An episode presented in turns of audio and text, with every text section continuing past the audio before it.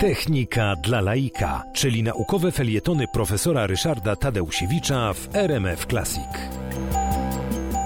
Jest to cud inżynierii, a jednocześnie y, urządzenie ogromnie przydatne.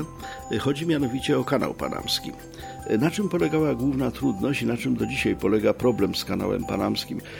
Po pierwsze, może rzeczywiście y, wrócę do pytania y, źródłowego, że on tak jest zbudowany, a dokładnie mówiąc, w takim miejscu jest ulokowany na tym wąskim przesmyku łączącym Amerykę Północną z Ameryką Południową, że jego zachodnie wejście, czyli to od strony Pacyfiku, jest bardziej na wschód położone niż y, wejście wschodnie, czyli to, które y, łączy je z Oceanem Atlantyckim. Czemu kopano akurat w tym miejscu? Y, otóż problem, który trzeba było pokonać, był związany z przewyższeniem. Kanał Suezki kopano właściwie na płaskim terenie i jak się jest w okolicach kanału Suezkiego, to wydaje się, że te statki suną na pustyni dookoła płaski teren. Było to w miarę łatwe. Natomiast niestety grzbiet obu Ameryk, no to są pasma górskie. Po jednej stronie Kordyliery, po drugiej stronie Andy. Na tym wąskim przesmyku też jest takie przewyższenie po środku.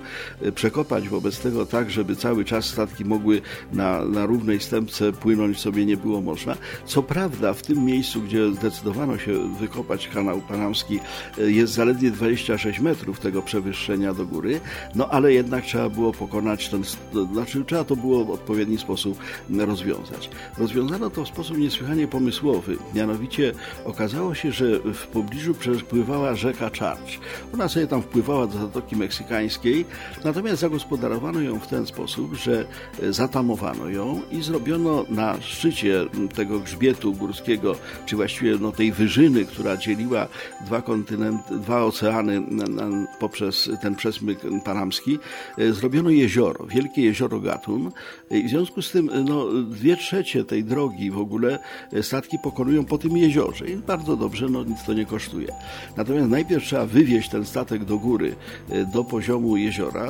Niewiele, 26 metrów, ale jednak potrzebny jest cały system śluz, żeby wywindować statek na przykład wchodzący od strony Atlantyku do wysokości tego jeziora, a potem go z powrotem opuścić do Pacyfiku, bądź odwrotnie.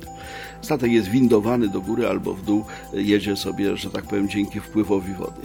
Ale tej wody zaczyna braknąć. Okazuje się, że e, każde przepłynięcie statku to jest kradzież tej wody z tego jeziora Gatun. No i w tym momencie mamy określoną przepustowość tego kanału, wynikającą nie z tego, że on ma określone gabaryty, tylko że tej wody nie starcza.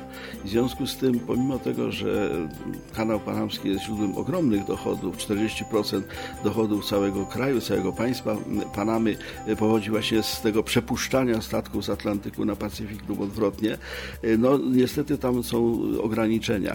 Niemniej kanał panamski jest naprawdę cudem inżynierii, inżynierii wodnej i warto o nim wiedzieć, między innymi właśnie to, że jego zachodnie wejście jest na wschód od wschodniego.